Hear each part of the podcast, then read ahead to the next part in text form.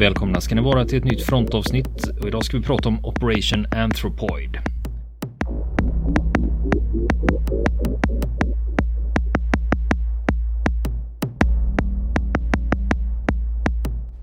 Och vi måste prata om Karel Tjurda.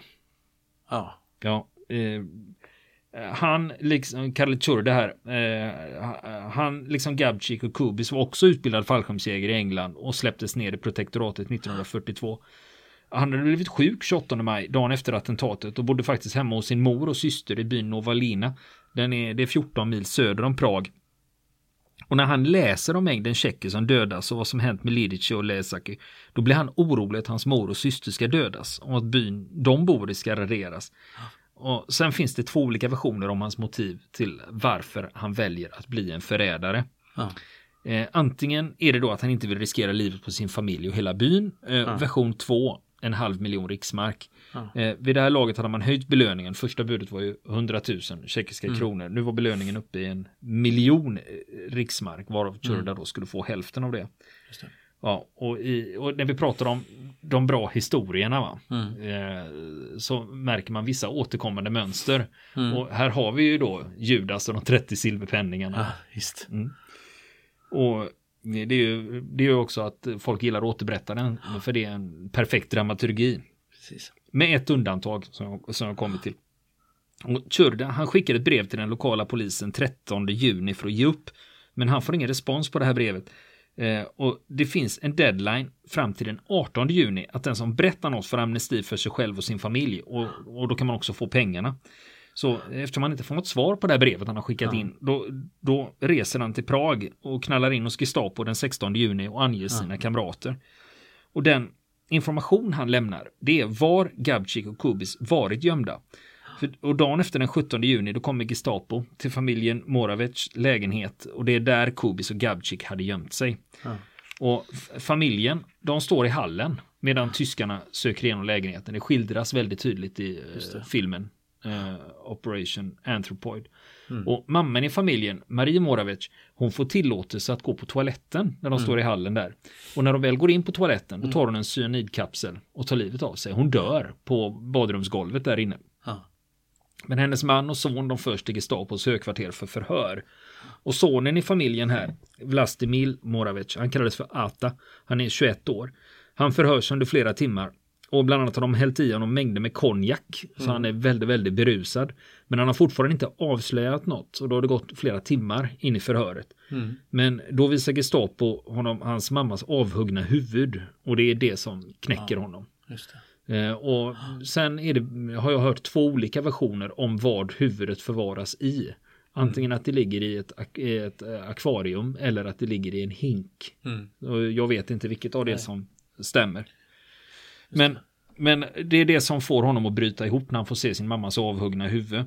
Eh, och då avslöjar han att fallskärmsjägarna de är i kyrkan Kyrillos och Metodos på eh, Reslova. Gatan heter eh, Reslova inne i Prag. Då. Så klockan 03.45 den 18 juni, då går orden ut till trupperna, eh, de tyska trupperna, att de ska omringa kyrkan. Och alla som var, varit, eh, alla som varit i Prag känner till var Karlsbron ligger. Och gat, gatan Reslova ligger cirka en kilometer söderut längs med floden. Eh, den går alltså inte längs med floden, utan den går upp från floden, eh, från en bro där. Och bara 200 meter från floden, upp längs gatan Reslova, där ligger kyrkan på vänster sida då. Och eh, här den 18 juni, den omringas och fallskärmsjägarna som är inne i kyrkan, de fattar vad som är på gång. Och totalt så är de sju stycken. De är fyra i kryptan, alltså i källaren, un, eh, under kyrkan. Och tre är uppe i själva kyrkobyggnaden. Och de är väp- beväpnade med pistoler. Och eh, de tyska trupperna som kommer dit, det är 750 stycken. Och de leds av SS-gruppen Führer Karl Fischer von Treuenfeld. Och de spärrar av gatorna runt om kyrkan och uppe på övervåningen i kyrkan, på balustraden i kyrkan, där finns Kubis, Adolf Opalka och Jaroslav Svarts. De försök, eh, SS försöker ta sig in, men de utsätts för beskjutning och flera tyskar stupar och såras. Och för att tyskarna inte ska kunna ta sig upp på övervåningen så blockerar tjeckerna trappan upp till loftet.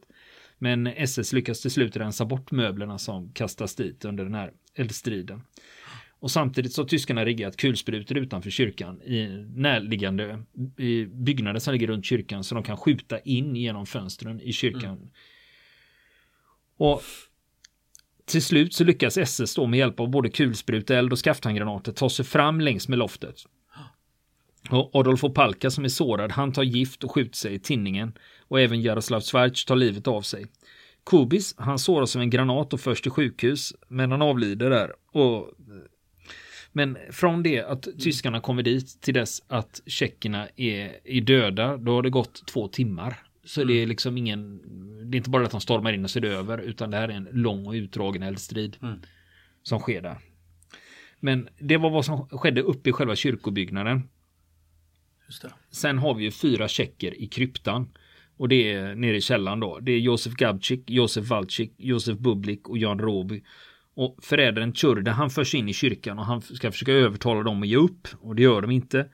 Och tyskarna spränger bort en golvplatta för att komma åt en trappa ner i källaren. Men de möts av eld. Och mm. det gör att de går inte in den vägen. För så fort de kliver in där så börjar tjeckerna skjuta på dem.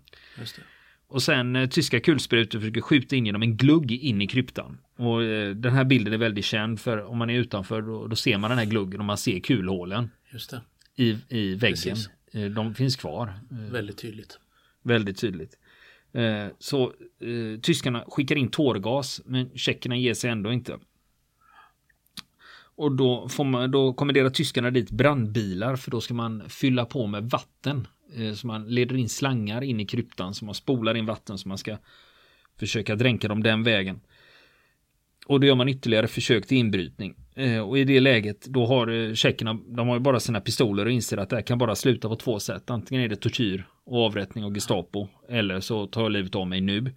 Så efter fyra timmars strid och belägring mm. kring kryptan, då tar de livet av sig. Och eh, liken de bärs ut och då identifieras de av Karel Tjurda.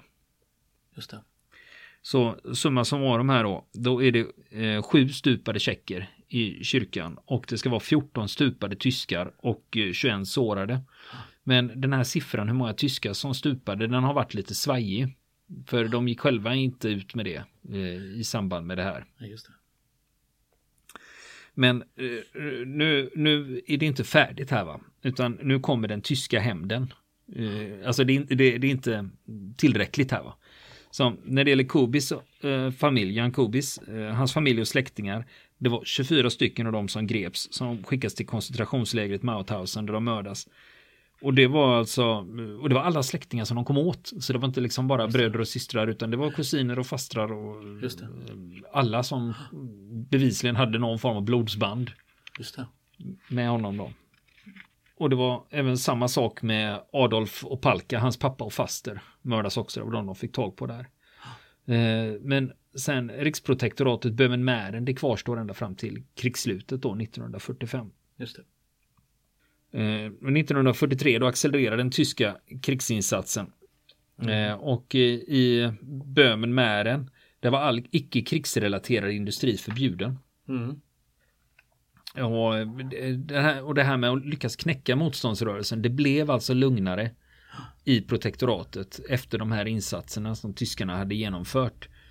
Eh, men det blossar upp igen de sista månaderna när kriget är på väg att ta slut. Ja, Då är det tusentals som involverar sig i motståndsrörelsen när man märker att nu finns det luft att andas här. Mm. Nu har vi möjlighet att göra någonting. Och för tjeckerna i det här protektoratet, Böhmen-Mähren, då representerade den tyska ockupationen en period av förtryck och tjeckiska förluster som eh, skedde under den här perioden. Och då är det både politisk förföljelse, avrättningar eh, och folk som har mördats i koncentrationsläger. Man pratar om siffran mellan 36 000 och 55 000. Och sen hade vi då förrädaren Karel Tjurda. Mm. Vad som hände med honom? Jo, han grips ju efter kriget och eh, avrättas 1947. Mm. Och vill man åka till Prag, nu kommer vi till vad man kan besöka där. Mm. Bland annat har vi ju själva attentatsplatsen där du har varit. Eh, jag hade kollat upp den innan och såg att eh, det fanns inte så mycket kvar av originalet så jag avstod faktiskt från att åka dit. Men jag åkte faktiskt till eh, kyrkan. Just det. Kyrillis och Metodos. Och då lät det så här. Det är en katolsk kyrka en söndags eftermiddag. Den är faktiskt stängd för att kunna gå in men Man kommer in i en halvcirkel av glasdörrar. Och vad gör fronten i en katolsk kyrka? Kanske eh, ni undrar. Är, den här kyrkan är intressant ur ett avseende. Och det beror på att 1942 då var det nämligen fullt krig inne i just den här kyrkan. Kyrkan heter Sankt Cyril och Metodius och den ligger på adressen Reslova 9 i Prag. Ni som följer flödet av krigsfilmer, ni vet att förra året så kom det en film som heter Anthropoid som handlar om attentatet eh, mot Reinhard Heydrich i Prag 1942. Och eh, det var här inne i den här kyrkan som slutstriden stod.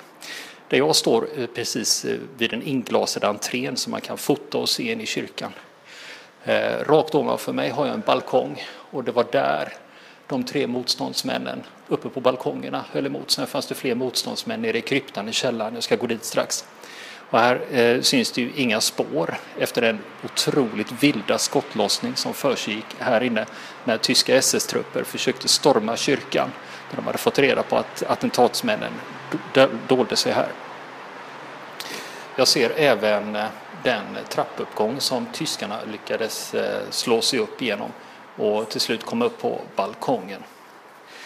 Eh, om vi ska se att det är en vanlig katolsk kyrka, det är en ganska liten kyrksal.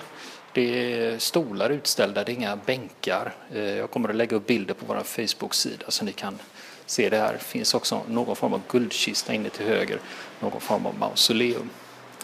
Men eh, det är högt i tak och det är välvda bågar där uppe vid balustraderna. Och det var alltså här inne som slutstriden ägde rum. Jag ska gå ner i kryptan och fortsätta. Nu har vi alltså kommit in i kryptan där hela historien avslutades. Eh, jag står vid trappan där tyskarna försökte spränga sig ner. Och här står det också att man eh, ingången var täckt av en gravsten när tyskarna försökte ta sig ner. Och den gravstenen står här idag också med skador på sig och eh, det är också en kokard med de tjeckiska färgerna på. Och det var vid den här trappan precis där jag står nu, det var här tyskarna lyckades ta sig ner och eh, skjuta ihjäl eh, eller eh, om det nu var så att eh, motståndsmännen eh, faktiskt tog livet av sig. Här kallas de för eh, parasotisto, alltså motståndsmännen, alltså parachutist eller fallskärmsjägarna, den titeln som de använder. Och här har de också bystar med blommor och här handlar det om Eh, de männen som dog här nere i kryptan, eller de som dog i kyrkan. Och vi har Josef Bublik, han var född 1920 och avled 1942 och det var den 18 juni 1942. Och eh, Josef Bublik han dog uppe på själva loftet inne i kyrkan här. Och sen har vi Jan Roby. Han var sergeant, eh, avled samma dag. Han dog här nere i kryptan. Och Jan Ruby, han eh, landsattes eh, natten till den 28 april 1942 nära Pozary i en by. Han dog här nere i kryptan. Sen har vi också Josef Walczyk. Han var Infantry Warrant Officer. Han eh, landade i Tjeckien 29 december 41 i Senice.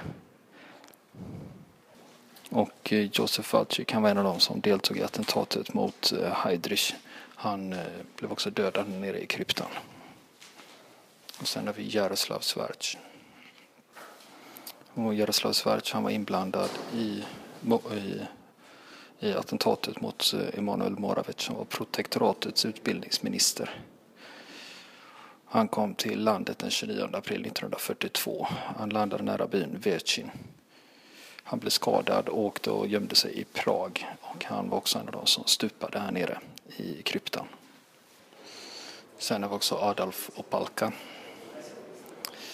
Han landsattes den 28 mars 1942 och han landade i en by som heter Orachev och eh, kontaktade grupp Silver A och sen skickades han till Prag det var han som hade befäl över eh, över fallskärmsjägarna som fanns i stan.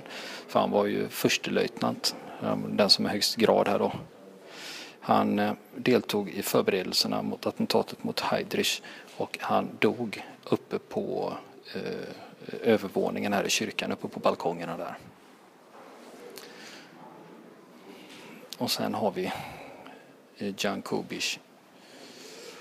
Och eh, han eh, landade den 29 december 1941 nära byn Nevesty.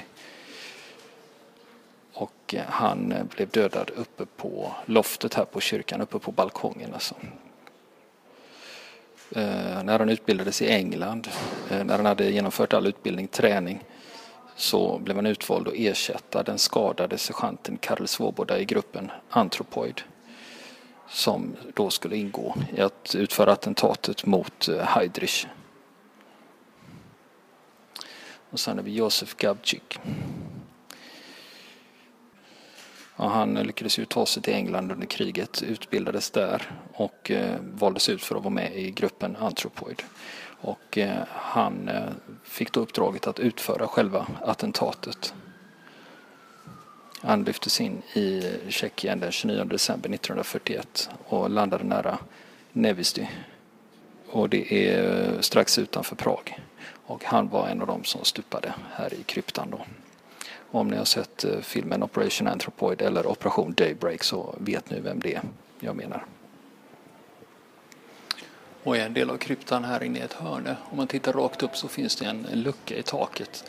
Och där, den här luckan i taket, dels fanns det en trappa i andra änden och sen fanns det den här luckan då. Den användes som en alternativ ingång till kryptan där man gick upp och ner på en stege. Eh, och det var bland annat här som SS eh, försökte få ut dem genom att kasta ner gas genom den här ingången.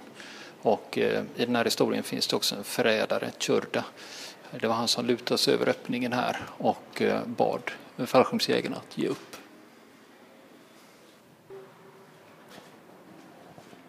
Inne i krypta kan jag säga att det är ganska tyst stämning bland de turisterna som går omkring och rör sig här och tar lite bilder.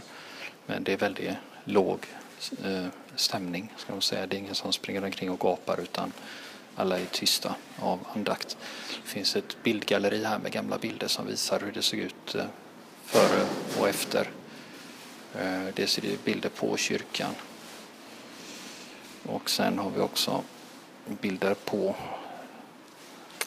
aktörerna här och det är bilder på dem när de är i livet och sen också när de är döda.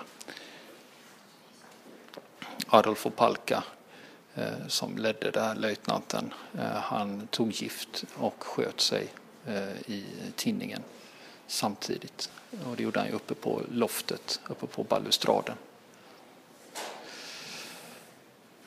Och sen var det en Josef Bublik. Han, eh, han, var skadad av eh, flera, han var skadad av granatsplitter och han tar då livet av sig med en pistol. Sen då Jankovic, han dog av, han förblödde. Han hade flera skador. Och Staff Sergeant Jaroslav Svark, han tog gift och eh, sköt sig samtidigt. Eh, Jan Roby, han sköt sig också. Och eh, Josef Valcic, han tog livet av sig med eh, sin pistol. Och sen hade vi också Josef Gavcik, han sköt sig själv. Så majoriteten av offren här, de sköt sig själva alltså. Utöver då Jan Kubisch som eh, dog när han förblödde. Så de föll alltså inte för fiendens kulor. Precis vid ingången till kryptan så finns det en utställning. Jag ska gå ut och eh, titta på den. Här har vi en liten informativ utställning med lite prylar. Bland annat eh, kläder från eh, tjeckiska armén, tjeckisk hjälm, dessutom en Tom-helmet av brittiskt snitt. Och eh, sen har vi även eh, en eh, insignier för SS. Det berättar historien, inte bara om händelserna här, utan det börjar 1938, 39, 41, 41. Fast det är ju egentligen händelserna här eh, 1942 som är intressanta. Och då har vi framförallt attentatet mot Heydrich som skedde den 26 maj 1942. Eh, de har flera bilder på Heidrichs bil här efter attentatet och även ett tidningsurklipp vad det stod i tidningarna dagen därpå. Det som står här på både tjeckiska och på engelska det är att eh, på morgonen den 27 maj 1942 då är det en svart Mercedes 320C som kördes av SS Oberscharführer Johannes Klein. Den eh, fortsatte ner längs Kirchmeier-avenyn i Kobylichi och SSOP-gruppen 4, Reinhard Heydrich, var på väg från sitt hem i Panenske Brezany till slottet i Prag. Det var där han hade inrättat sitt högkvarter. Och klockan 10.35 på morgonen, då, på förmiddagen, då saktar bilen in i en skarp kurva som eh, kommer in på Hålesova Kitchurch Street. Och det var där två fallskärmsjägare hade ställt sig eh, och de hade stått där i två timmar redan. De hade haft cyklar med sig för att komma dit. De hade ställt upp dem mot en gatlykta nära ett staket på Kirchmeier avenyn. Och Josef Gavcik han, eh, han gömde en, eh, en eh, stenn-k-pist eh, under sin regnrock och han var beredd på att skjuta Heidrich med en eldskur. Men precis när bilen kommer runt hörnet så eh, hakar vapnet upp sig. Han får eldavbrott. Och eh, Heidrichs chaufför, han gjorde ett stort misstag där. Istället för att bara gasa så tvärnitar han. Och nu var det dags eh, enligt den här texten för fallskärmsjägarna att använda sina kunskaper som de hade lärt sig under sin träning med, hos Special Operations Executive. Jankovic han plockade fram en, en speciell granat som de hade utrustat eh, som han hade utrustats med. Han hade den i sin portfölj. Det hade en väldigt känslig utlösning. Och så fort den tog i någonting när man kastade den, då smällde den. Och de hade modifierat den för att maximera sprängverkan utan att den skulle skada den som attackerade. Och Kubic han kastade med ett underhandskast. Det var så de fick lära sig att kasta de här. Han kastade den mot bilen men den missade målet. Och hade den exploderat inne i bilen då hade inte Heidrich kunnat komma undan. Istället så exploderade den precis ovanför fotbrädan. Framför, precis framför höger, höger stänkskärm, den bakre stänkskärmen. Och då slår den hål i bilens kaross och sliter loss den högra dörren. Och den drar även med sig splitter från bilen och delar av stoppningen i sätet. Och, och den går alltså genom ryggen på framsätet och träffar Heidrich i bröstet. Klockan var 10.35. Och här finns det flera bilder då på hur det såg ut då i området. Eh, det finns en minnessten där uppe. Det är inte värt att åka dit och titta på den för hela området är helt jämnat med marken och ser helt annorlunda ut. Eh, den här minnesstenen den står alltså mellan en motorväg och en påfart. Det är det som finns kvar där. Så den här berömda kurvan man kan se på gamla bilder, den finns alltså inte kvar. Men det kan vara kul att åka upp och titta på. Och titta på titta på stenen om man är väldigt intresserad av det. Men eh, det är ändå svårt att bilda sig en uppfattning om hur det såg ut på den tiden. Då är det nästan bättre att eh, använda sig av gamla bilder. Här fortsätter historien då. Eh, den 4 juni 1942. Den skadade Heidrich han tas till Bolovka-sjukhuset och opereras med en gång. Och samtidigt så sätter nazisterna igång och letar efter eh, motståndsmän och framförallt de här fallskärmsjägarna. De utlyser även en belöning på flera miljoner kronor här. Om någon vill komma fram och eh, ange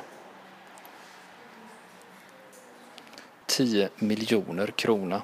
Och då ställde man även ut en cykel och en regnrock och två portföljer i ett skyltfönster så man kunde se det. Och sen 10 juni då utfördes en massaker i byn Lidice. Eh, där bodde det 438 människor i 96 olika hus. Och det är det här som är känt då att eh, eh bland annat var det 173 stycken sköts direkt på platsen. Men eh, det vid Lidice fanns det 104 barn och det var bara 17 av dem som överlevde kriget. Sen 50, 53 av kvinnorna från Lidice dog i Ravensbrück, alltså koncentrationslägret. Följande dagar då eh, raderas Lidice, eh, det jämnas med marken och man tog till och med bort namnet från kartan. Och här finns det även då bilder från Lidice när det ligger 173 kroppar på gatorna. Här har vi en, eh, lite vapen också. Det är eh, en Colt Pocket Model 1903, en, eh, en, en semiautomatisk eh, pistol som användes av eh, fallskärmsjägarna under operation Anthropoid. Eh, de märkena man kan se utanför fönstret när tyskarna sköt in, då använde man bland annat en MG34. Det sitter en MG34 här i montern också. Det känner man ju igen från flera andra museer. Jag har sett dem i alla fall. Och sen har vi då den 18 juni 1942.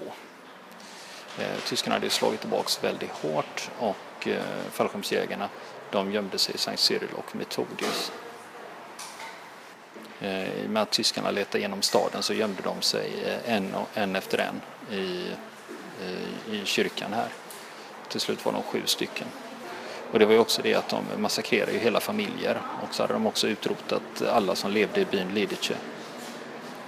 Och eh, om någon eh, klev fram och tjallade då skulle de då eh, eh, bli benådade och dessutom fanns det en hel del pengar. Och fallskärmsjägaren Karel Tjurda Eh, han hade ju lämnat Prag direkt efter eh, attentatet för att gömma sig med sin mamma i byn Novalina. Och eh, han blev rädd för eh, tyskarna, hur de skulle slå tillbaka.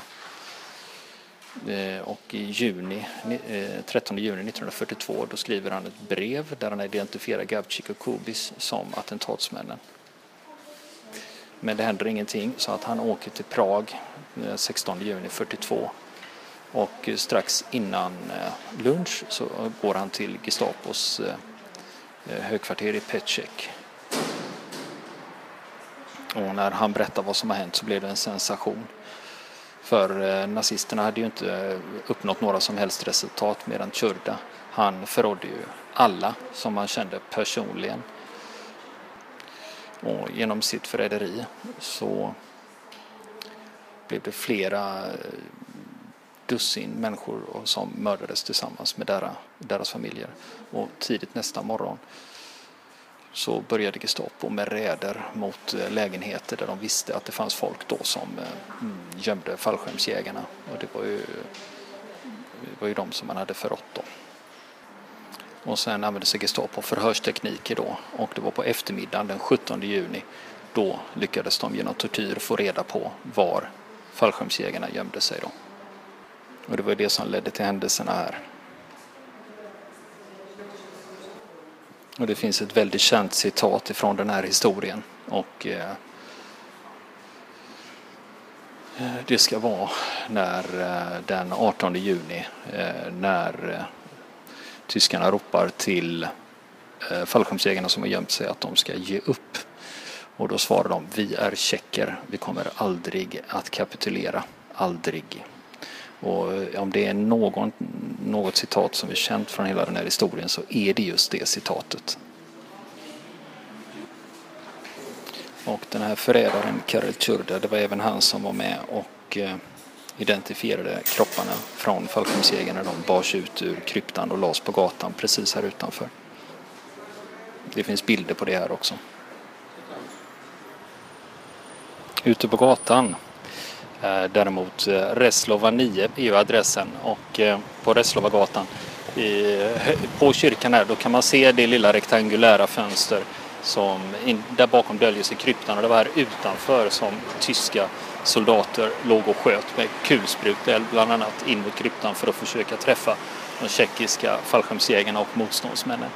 Det är fortfarande en kulärrad vägg och det är inte en öppning bara utan man har satt igen öppningen med glas som, satt, som är fäst i en rostig metallram. Eh, man har även, besökare har även tänt värmeljus här, gravljus och även lagt en krans här. Och sen finns det också en minnesplakett här Nu står ju det på tjeckiska här så jag kan tyvärr inte översätta den. Jag kan inga slaviska språk överhuvudtaget. Men eh, eh, det handlar om de som har stupat här. Adolf Opalka, Josef Gabčík, Jan Kubis, Josef Alcik, Josef Publik, Jan Ruby och Jaroslav Svarg. Biskop Goresh Tjichovny, Dr. Petrix Presede. Och det är flera namn här med folk som har omkommit eller dött till följd av den här. Runt om det här huset så finns det också flera plaketter Eh, som högtidlighåller minnet av eh, folk som blev mördade i Mauthausen. Och Mauthausen är ju ett eh, koncentrationsläger. Det var motståndsmännens anhöriga föddes dit. Så det var där hundratals anhöriga avrättades. Vill ni komma i kontakt med oss så kan ni göra det via vår Facebook-sida som heter Fronten. Det är inga problem för er att leta er fram där. Eller också så mejlar ni på vår mejladress och det är frontenpodcast.gmail.com.